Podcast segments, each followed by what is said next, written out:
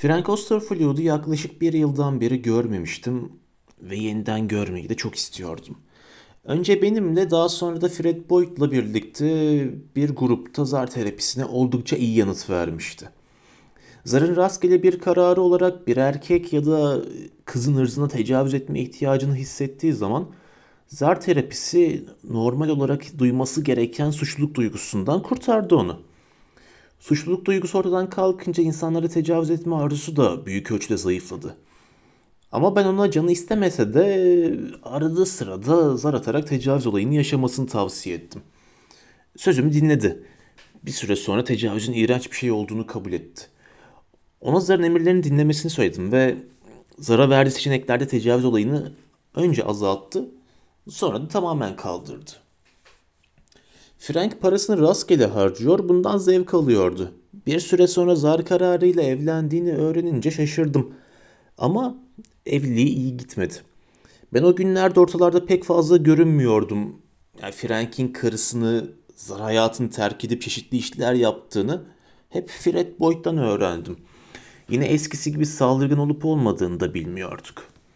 Zar hayatımı hapiste geçirerek ziyan etmek istemiyordum. Onun için işi iyi planlamam gerekiyordu. Keswick Hill Zar merkezindeki işime bir hafta ara verip New York'a bir iş seyahati yaptım. Küçük bir araştırma sonucu ya, Osterfield'un doğu yakasındaki eski dairesinde yaşadığını öğrendim. Benim eski evimden 4 blok mesafedeydi. Aldığım bilgiye göre Wall Street'te bir komisyoncuda çalışıyordu ve her gün 9 saat evinin dışındaydı. Onu izlediğim ilk akşam yemeğini dışarıdaydı. Bir sinemaya sonra bir diskoya gitti. Evine yalnız döndü. Büyük olasılıkla kitap okuyacak ya da televizyon seyredecek sonra da yatıp uyuyacaktı.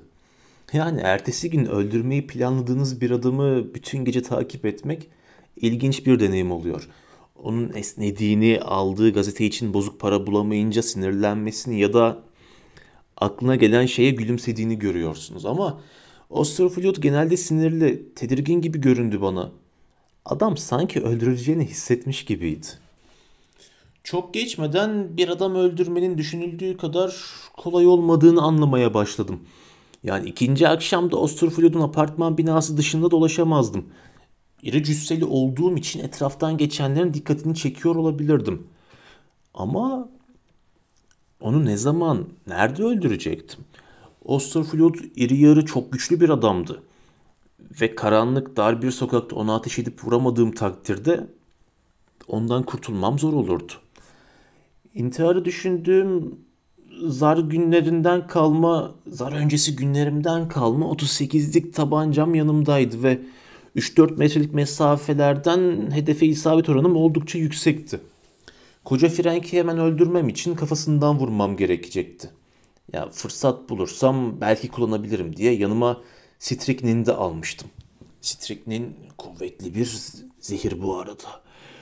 Onu evinde öldürürsem kaçmam kolay olmayabilir. Etraftaki insanların dikkatini çekebilirdim. Yani kiraları genelde yüksek olan doğu yakası apartmanlarında silah sesi pek duyulmazdı. Osterfield'un binasında bir kapıcı, bir asansörcü ve belki de bir de güvenlik elemanı olabilirdi. Hatta merdiven olmaması ihtimali bile vardı. Yani Osterfield'u bir sokakta ya da dar bir ara sokakta vurmak da tehlikeliydi. Gerçi bazı yerlerde silah sesi daha sık duyuluyor olabilirdi ama böyle yerlerde de meraklı insanlar fazla olurdu ve kaçmak hiç de kolay olmayacaktı. Ben de iri yarı olduğum için hemen görürlerdi beni kaçarken. New York çok büyük, kalabalık bir şehirdi ve insanlar hemen her zaman birbirine çok yakındı. İç içeydi.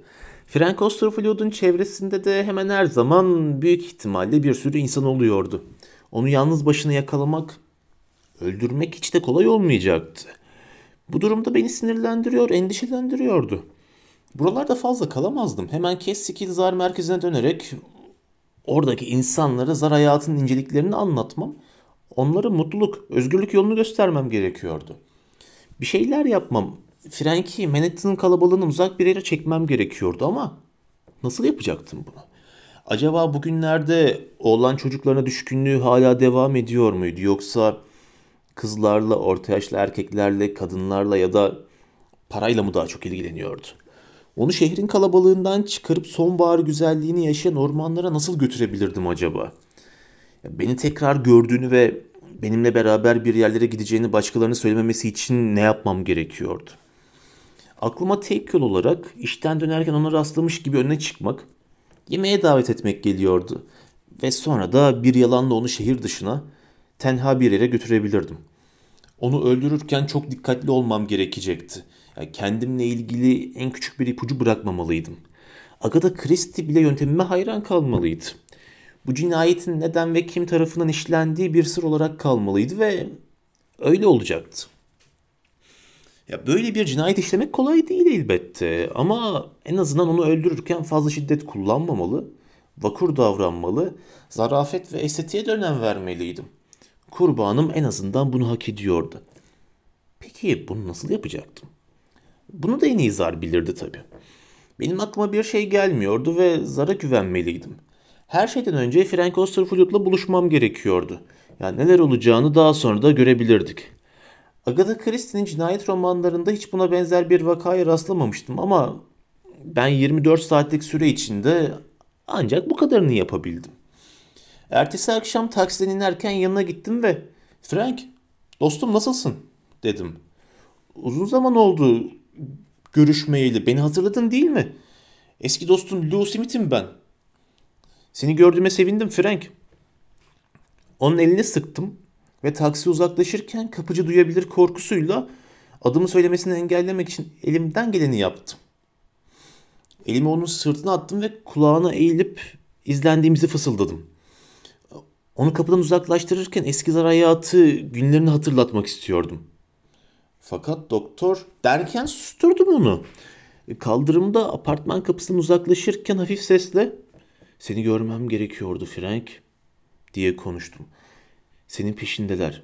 Yakalamaya çalışıyorlar. Fırsat kolluyorlar. Kim bunlar? Bunu sana yemekte anlatırım. Hadi gel benimle. Apartman kapısından 10 metre kadar uzaklaşmıştık ki birden durdu Frank. Bak Doktor Reinhardt ben bu akşam önemli bir randevum var. Özür dilerim ama onun sözünü kesip bir başka taksi çevirdim ve önce birlikte bir yemek yiyelim dedim. Birisi var peşinde. Seni öldürmek isteyen biri. İzliyor seni. Ne? Nasıl yani? Bin şu taksiye. Ya taksiye bindikten sonra Frank Osterfield'a dikkatle baktım. Boynu daha da kalınlaşmış gibiydi ve gergin sinirli görünüyordu ama benim söylediğime sinirlenmiş olabilirdi. Saç tıraşı çok güzeldi. Üzerinde çok şık bir takım elbise vardı. Pahalı bir tıraş losyonu kokuyordu. Onu gören kolayca başarılı bir iş adamı sanabilirdi. Ya takside zorla gülümsemeye çalışarak yüzüme baktı ve kısık bir sesle "Beni öldürmek mi istiyorlar?" diye sordu. Saatime baktım 6.37 idi. Başımı salladım ve korkarım öyle Frank dedim. Bunu bana bizim zar adamlardan biri söyledi. Bu gece bile deneyebilirler bunu.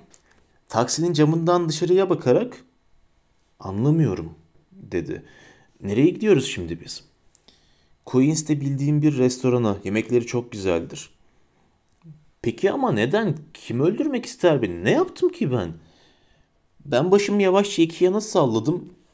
Frank korkulu bir ifadeyle dışarıya bakıyor ve kırmızı trafik ışıklarında durduğumuz zaman yanımıza bir araba gelirse hemen büzülüyordu. Bak Frank, yaptıklarını benden saklamamalısın. Başka insanları öfkelendirecek bazı şeyler yapmış olduğunu biliyorsun değil mi? Seni öldürecek kadar öfkeli insanlar var peşinde ve ben de sana yardım etmek için geldim. Korkulu gözlerle yüzüme baktı. Bak doktor ben kimseden yardım istemiyorum. Saat sekiz buçukta bir yerde olmam gerekiyor. Yardıma ihtiyacım yok benim. Bunu söyledikten sonra dişlerini gıcırdattı. Gözlerini ön tarafta asıl duran taksi şoförünün resimli kimlik kartına dikti. Şoförün adı Antonio Rosco Fellini'ydi. Ama yardıma ihtiyacın var Frank. Senin şu sekiz buçuk randevun ölümle buluşman olabilir. Ben de seninle gelsem çok iyi olur sanıyorum. Frank bir an düşündü ve sonra anlamıyorum dedi. Seninle ve Doktor Boyd'la yaptığım zar terapisi seanslarından sonra kimseye bir şey yapmadım ben. Yani kötü bir şey yapmadım. Ben ona ne cevap vereceğimi düşünürken Frank Sadece karımla geçinemedik işte diye ekledi.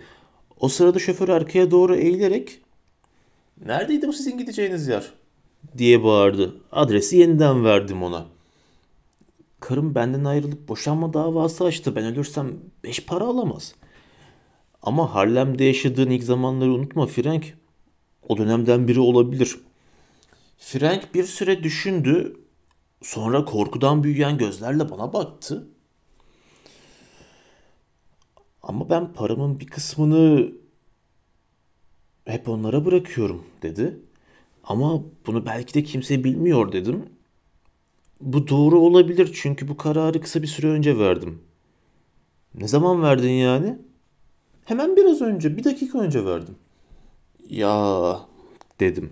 Bir süre konuşmadık. Bu süre içinde Frank takip edilip edilmediğimizi anlamak için birkaç kez arkaya dönüp baktı. Takip edildiğimizi sanıyordu ve bunu bana da söyledi. Bu geceki randevun neydi Frank diye sordum. Seni hiç ilgilendirmez. Diyerek tersledi beni. Frank ben seni korumaya çalışıyorum. Birisi seni bu akşam öldürmek isteyebilir. Bir süre düşündü. Sonra kuşkulu bir ifadeyle şey biriyle buluşacağım dedi. Ya dedim. Fakat bu bir kadın. Parayı seven bir kadın. Onunla nerede buluşacaksınız? Şey Harlem'de. Durduğumuz kırmızı ışıkta arkamızda bir araba yerine bir otobüs durunca rahatlar gibi oldu. Otobüste sivil polisler, FBI ya da CIA ajanları olması için dua eder gibiydi. Eğitimli köpekler de olabilirdi ama onların Frank'e bir yardımı olmayacaktı elbette. Bu kadın yalnız mı yaşıyor diye sordum. Saat 6.48 oldu.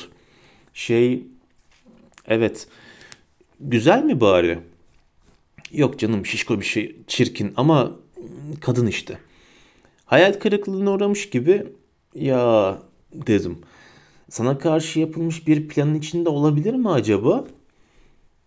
Onunla 3 ay önce tanıştım. Kadın beni güreşçi sanıyor. Çirkin bir kadın ama hayır böyle bir şeye karışmaz o. Ciddi bir ifadeyle onun yüzüne baktım ve dinle beni Frank dedim. Bu gece dairene ve kalabalık yerlere gitmemelisin. Önce tanıdığım ve güvendiğim bu restoranda yemek yiyeceğiz ve sonra senin şu hanım arkadaşınla buluşabiliriz. Emin misin? Bu akşam birisi seni öldürmek istiyorsa bana güvenebilirsin dostum.''